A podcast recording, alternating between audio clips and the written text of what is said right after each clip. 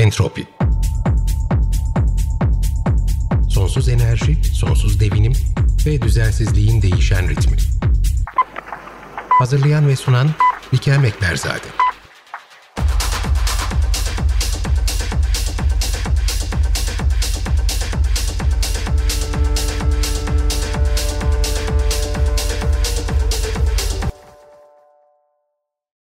Sevgili Tolga Hocam hoş geldiniz. Siz aslında Entropi ailesinin bir parçasısınız. Daha önce biz size çok program yaptık ve en sonda zaten geçen sene 6 Şubat depreminin akabininde siz sağdan döndükten sonra sıcağı sıcağına ayağınızın tozuyla bir program yapmıştık.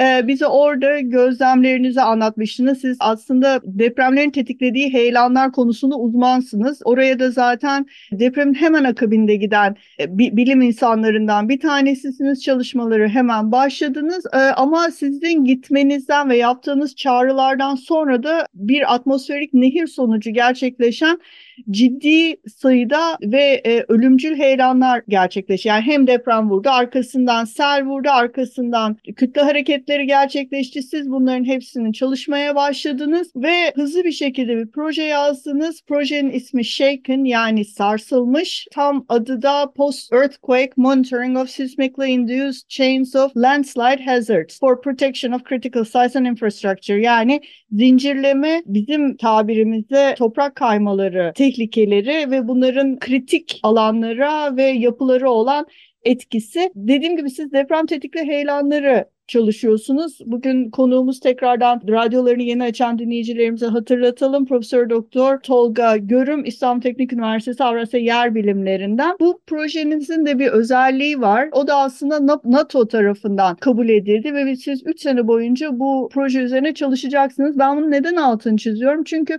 NATO'yu genel olarak dinleyicilerimiz muhtemelen ordularıyla ve savunma sistemiyle tanıyorlar ama aynı zamanda NATO'nun desteklediği bilimsel projelerde var. Özellikle özellikle güvenlik konularında, e, sivil güvenliği konusunda da ve bilimi desteklediği, bilimsel araştırmaları desteklediği bir fon havuzu var. Burada da ortak çalışma partnerlerinden işte Birleşmiş Milletler var, Avrupa Birliği var, OSCE var. Onlarla birlikte oluşturduğu konsorsiyumlarla çok ciddi rakamlara ulaşabiliyor bu fonlar. Size çok başarılı bir şekilde bu projenizi kabul ettirdiniz ve 3 sene boyunca da yürüteceksiniz. Birinci seneyi de tamamladınız. Yarın 6 Şubat ve biz depremi farklı boyutlarıyla e, bir sene sonrasını açık radyoda değerlendirirken benim için de en önemlisi sizin bu bir sene içerisinde gözlemlediğiniz şeyler, yaptığınız işler, projeniz ne yönde evriliyor? Hocam girişi ben biraz uzun tuttum, topu size atıyorum. Hoş geldiniz tekrardan mikrofon sizin. Teşekkürler e, bu ön giriş için. Senin de belirttiğin gibi buna Yarın 6 Şubat'ın yıl dönümü e, ve gerçekten Türkiye'nin yaşadığı çok büyük doğal afetlerden bir tanesi. Bir günde iki büyük depremin olması ve özellikle bu kadar e, insanın yaşamını yitirdiği, e, evsiz kaldığı, yaralandığı, çok fazla da ekonomik zararın oluştuğu bir olay. E, öncelikle bunun tekrar yaşanmaması dileğiyle başlamak lazım. Biz doğal afetleri depremin anlık etkilerinin sonrasında heyelanlar gibi bir konu özellikle bu 2008 Vençuan depreminde de çok fazla ön plana çıktı. 90 bin ölümün yaklaşık 32 bini heyelan nedeniyleydi. Bir depremde tetiklenen bugüne kadar kaydedilmiş en fazla heyelan miktarı 180 binin üzerinde e, o deprem heyelan tetiklemişti. Ben doktora tezim boyunca çok farklı alanlarda çalıştım. İşte Haiti depreminin tetiklediği heyelanlarda, Vençuan depreminde, Ayşen Şili depreminde Güney Amerika'da ve, ve Alaska'da Denali depremi sonrası tetiklenen heyelanlar konusunda çalıştım. Şimdi bu e, Türkiye'de tabii bu kadar majör e, olaylar sonrası e, aslında e, çok fazla insanın altını çizmediği neredeyse sahada bu konuda diğer birkaç ekibi de eklersen çok limitli sayıda e, insan çalışıyor ve bunlar bu heyelanlar konusunda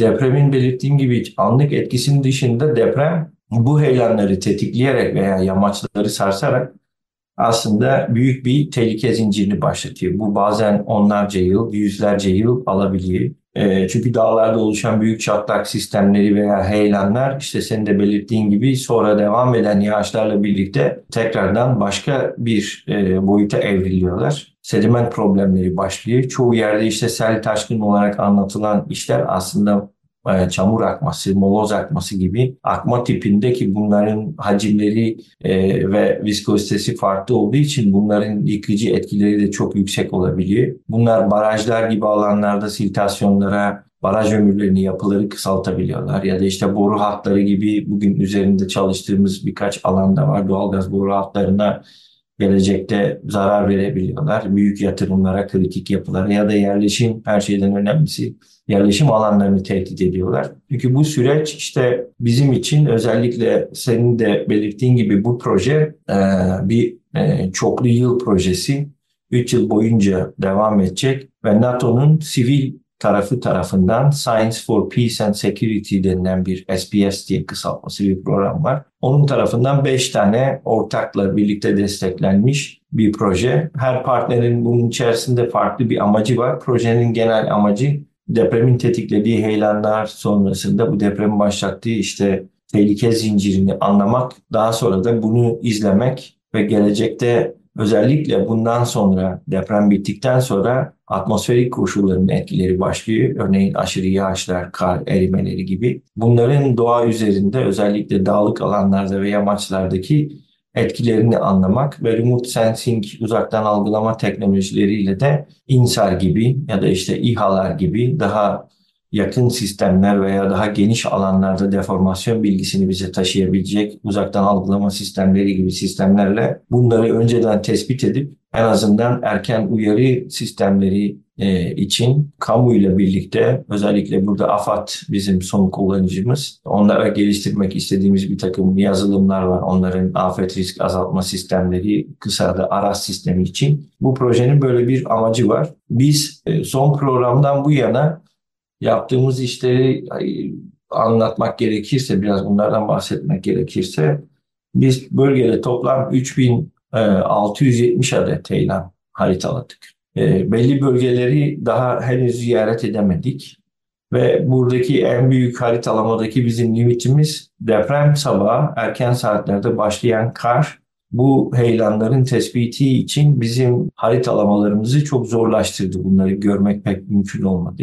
Olay sonrası bu arada Harita Genel Müdürlüğü onların verileri bizim için çok kritik ve önemli, çok kıymetli veriler stereo şekilde yani bunlardan sayısal yükseklik modelleri üretebileceğimiz, topografyayı anlayabileceğimiz şekilde çekilmiş. Neredeyse alanın tamamını kapatan deprem öncesinde de uçulmuş, deprem sonrasında da. Bu deprem önce uçulmuş dememin sebebi deprem önceden biliniyordu, uçuldu değil. Çünkü e, doğru harita tesis etmek için Harita Genel Müdürlüğü Türkiye'nin tamamını uçuyor çok yüksek çözünürlü bir şekilde. Ve e, bu veriler bilim insanlarına da ücretsiz bir şekilde e, kamuya e, servis edici.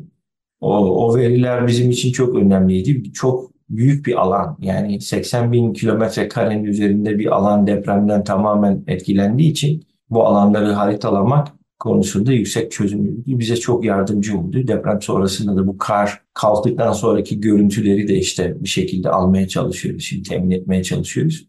Ama biz bu 3670 heyelanın neredeyse tamamını gördük, gözlemledik ve kayıt altına aldık bunları.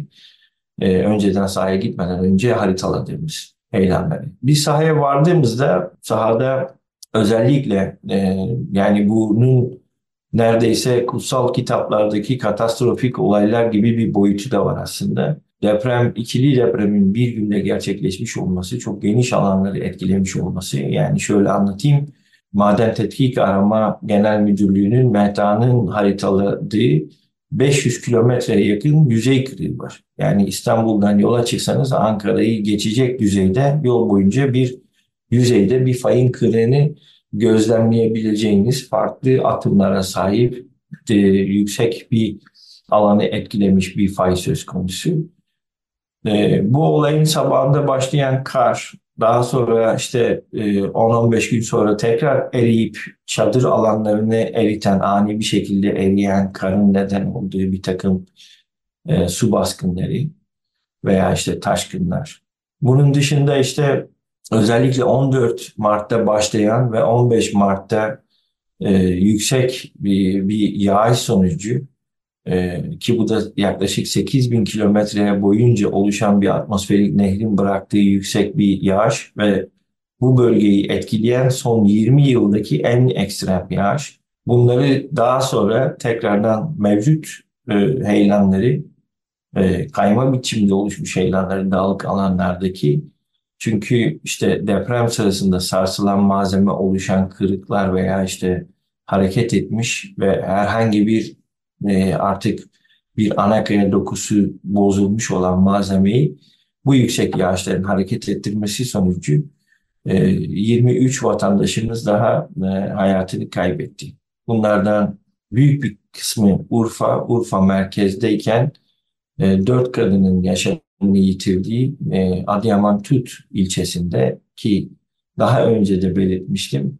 E, bu sadece bu heyelanlarla açığa çıkan malzeme e, insan yaşamı için özellikle birçok çadır alanında düzlük bulunamadığı için dağlık alanlarda bu konilere e, bizim moloz konilerine yerleşen ve kurulan çadır alanlarında birçok e, kişinin de yaşamını ve hatta işte bu geçici yerleşimleri etkiledi. Daha sonra da Bunların tabii ki uzun dönemde işte hidroelektrik santrallerindeki silitasyon problemleri gibi tarım için oluşturdukları bir takım problemler var. Bizim amacımız burada yaşanan bu olayları en iyi şekilde belgelemek, e, en iyi şekilde ve yüksek çözünürlüklü bir şekilde ve detaylı bir şekilde haritalamak ve bu olaylardan öğrenerek e, bu olaylarda edindiğimiz bilgileri gelecekte oluşabilecek potansiyel olaylara e, anlatmak için çabalıyoruz. Bunun dışında da dediğim gibi e, olabildiğince en e, son, en yenilikçi teknolojileri kullanarak burada gelecekte bu bölgede de oluşabilecek kısa dönemli e, etkileri de anlamaya çalışıyoruz bu projede. Evet hocam bir de ben atladım. E, siz hatırlattınız. Proje aslında çoklu ortaklı burada Türkiye var Pakistan var Hollanda var Amerika var. Amerika'dan hatta MIT bizden İTÜ yürütücülüğünü yapıyor ama ODTÜ de projenin içerisinde. Dolayısıyla aslında e, gene e, Pakistan'dan Hollanda'dan University of Twente var ee, yani birçok bilim insanı e, ve bunların hepsi zaten konuları aynı sizin uzmanlık alanınız gibi ve sizin de belirttiğiniz gibi hani bu konuyu sahada çalışan bir avuç insan var ama ya bu çok ciddi bir güç birliği ve sizin burada yaptığınız daha doğrusu sonuç olarak elde etmeye çalıştığınız şeylerden bir tanesi ve süreç boyunca da yapmayı planladığınız şeylerden bir tanesi bizim aslında birkaç bölümdür ee, burada ağırladığımız e, bilim insanları üzerinden konuştuğumuz uzaktan algılama metotlarının e, bu tarz afetlerde kullanılması e, ve aynı zamanda bunun makine öğrenmesiyle erken uyarı sistemlerinin geliştirilmesi konusunda eğitim yani eğitim verisi olarak kullanılması. Bunlar aslında çok önemli. Biraz da bu işin bu makine öğrenmesi ve ileriyi öngörebilme yani forecast kısmına biraz da orada neler yapmayı planlıyorsunuz. Şimdi son bir seneyi çok güzel topardınız. Çok teşekkür ederim. Şu son kalan 10 dakikamızda da önümüzdeki yani bu sene içerisinde neler yapmayı planlıyorsunuz ve bu erken uyarı sistemi konusunda ne kadar yol kat ettiniz, daha neler yapılması gerekiyor? Biraz da ondan bahsederseniz çok sevinirim. teşekkürler. Şimdi burada tabii uzaktan algılama teknolojileri günümüzde özellikle makinelerin e, işlem kapasitesi de arttığı için inanılmaz derecede hayatı kolaylaştıran sistemler. Yani çok yakın zamanda işte PlanetScope gibi e, yaklaşımlar Bunlar penguen uydular gönderiyorlar. Bu uydularla neredeyse trafiği bile gerçek zamanlı izleyebilecek hale geleceğiz. Türkiye'de gecikmiş özellikle afet konusunda bu uzaktan algılamadan faydalanma konusunda aslında çok gecikmiş de sayılırız. Bu teknolojileri hayatın birçok parçasında yani bunu orman yangınlarından tutun da işte özellikle bunların önlenmesi, bunların verdiği zararların anlaşılması için yani damage assessment yapmak için örneğin hasar tespitlerinde bile kullanabileceğiniz ve kestirim kapasiteleri, haritalama kapasitesi neredeyse otomatik düzeye gelmiş birçok algoritma da var. Biz burada aslında şöyle faydalanıyoruz. Biz INSAR teknolojisinden INSAR SAR radyo dalgaları gönderecek fazlarla kendinden uzaklaşan veya kendine yaklaşan objeleri zaman bir zaman serisi içerisinde Bu birçok görüntü almanızı gerektiriyor bölgeden. Bu deformasyon zamana bağlı olarak nasıl davranıyor? Ve, ve deprem öncesi bu deformasyon nasıldı? Depremden sonra elde edilen depremin tarihini de bildiğimiz için elde edilen görüntülerle birlikte deprem sırasında ve sonrasında nasıl davranıyor bu deformasyon? Öncelikle bunları belirleyip bunları belirlerken de bizim için kritik olan ve yerleşimleri işte bu tip enerji nakil hatlarını, barajları tehdit eden heyelanları haritaladığımız için bu lokasyonları izleyerek daha sonra e, bunları meteorolojik e, verilerle birleştirerek davranışını anlamaya çalışıyoruz. Örneğin burada bir sezonsal bir etki var mı bu deformasyonda? Örneğin bir heyelan alanında. Bu şu demek, eğer kışın hareket duruyor ve bahar döneminde hareketlenmeye başlıyorsa bugün birçok atmosferik özellikle meteoroloji istasyonlarından veya uydu teknolojilerinden aldığımız atmosferik datalarla birlikte, verilerle birlikte bu alanlarda örneğin kar erimesi eğer bu boşluk suyu basıncını artıracak şekilde bir heyelanı e, etkiliyorsa ve hareket ettiriyorsa dolayısıyla bu davranışı önce e, anlıyoruz, ölçüyoruz ve e, bunu modele tanıtıyoruz. Daha sonra da bu uyduların 16 günlük bir tekrardan aynı bölgeyi ziyaret etme bir şey var, periyodu var. Çünkü bunlar tekil uydular ve e, bunların revisit time'ları, zamanları tekrardan bu alanı ziyaret etme zamanlarında geçen sürede biz sadece meteorolojik verileri kullanarak acaba geçmişte 3 yıl boyunca izlediğimiz bu alanlarda oluşabilecek herhangi bir deformasyonu bu tip bilgilerle yani e, hava tahmin modellerini de geliştirerek önceden öngörebilir miyiz? Bunu bir erken uyarı sistemine uydu tabanlı dönüştürebilir miyiz? Dolayısıyla aynı şekilde sahayı da yersel olarak enstrümanlarla iyi bir şekilde ölçerek yani yersel meteoroloji istasyonları bu heyelanların çok yakınlarına konuşlandırarak ve inklonometrelerle bu heyelan hareketini çok hassas bir şekilde algılayarak ve bunları uydu verileriyle sürekli doğrulayarak e, gidip daha sonra da bu bunun tahmin ve kestirim kapasitesini makine öğrenme teknikleriyle ortaya koymaya çalışıyoruz. Şimdi hocam çok teşekkürler anlattıklarınız için. Son bir soru. Ee, burada aslında siz katman katman ilerliyorsunuz. İlk başta bahsettiğiniz gibi Harita Genel Müdürlüğü'nün uçuşları söz konusu. Oradan aldığınız yüksek çözünürlüklü veri var. Aynı zamanda uzaktan algılama sistemleri yani uyduları kullanıyorsunuz. Oradan aldığınız veri var ama bununla kalmıyor. Siz aynı zamanda sahada insansız hava araçları yani bizim bildiğimiz tabiriyle dronları da kullanarak daha e, detaylı alan kat ederek e, buradaki değişimleri de zaman içerisinde gözlemleme şansına sahipsiniz. Ve hatta burada e, gerçekten kayıt kapasitesi yüksek ve farklı bantları da e, kendi içerisinde barındıran e, dronlar kullanıyorsunuz. Biraz da işin o katmanından yani yüzeye daha yakın olan kayıt ve dokümantasyondan bahsedebilir misiniz? Bunu da toparlayalım isterseniz e, bugünkü entropi bölümünü e, depremin birinci yılını e, bitirmek üzere olduğumuz bu saatlerde jeomorfolojik olarak yani bunun biz insani boyutunu çok konuşuyoruz, sosyoekonomik boyutunu çok konuşuyoruz, oradaki yapısal boyutu konuşuyoruz. E, bir sene sonra toplumun e, orada yaşayan insanların durumunu konuşuyoruz ama sizin yaptığınız işte gerçekten göz ardı edilemeyecek kadar önemli. Çünkü sadece sadece bir belgeleme yapmıyorsunuz. Bu belgeleme sayesinde aslında ileriye yönelik bir çalışma da yapıyorsunuz. Bundan sonra bu tarz acıların yaşanmaması konusunda, daha iyi planlamanın yapılabilmesi konusunda ya da en azından afetler sonrası kritik alanlara daha hızlı müdahale edilebilmesi konusunda bir e, çalışma gerçekleştiriyorsunuz.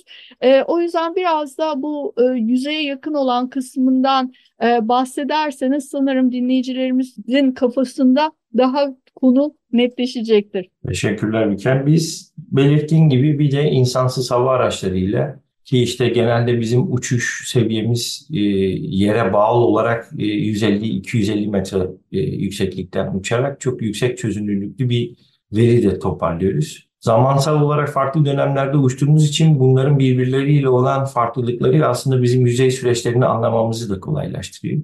O yüzden burada hem optik hem termal hem de lidar e, gibi e, sensörleri kullanıyoruz. Bu sensörlerle elde ettiğimiz üç boyutlu görüntülerle de zaman içerisinde özellikle çatlaklar nasıl büyüyor, termal olarak bu çatlak sistemlerini nasıl daha iyi ortaya koyabiliriz? Bunları yine makine öğrenmesiyle daha otomatize edebilir miyiz? Çünkü bunun şöyle de bir önemi var. E, baraj gövdelerinde bile oluşan çatlakları olay sonrası çok hızlı bir şekilde haritalayabilirsiniz. Bunun üzerinde çalışıyoruz. Bunun yanı sıra e, özellikle sayısal yükseklik modelleri farklarını birbirinden çıkartarak e, yüzeydeki sedimentlerin örneğin herhangi bir yerde bir heyelan ya da yamaç malzemesi yer değiştiriyorsa veya bir akarsuyun içerisinde bu malzemede değişiklikler varsa bu değişiklikleri zamanına bağlı olarak nasıl davrandığını, yüzey süreçlerini anlamak için özellikle bunların geomorfolojik işte davranışlarını iyi belirleyip bu süreçleri iyi ölçebilmek için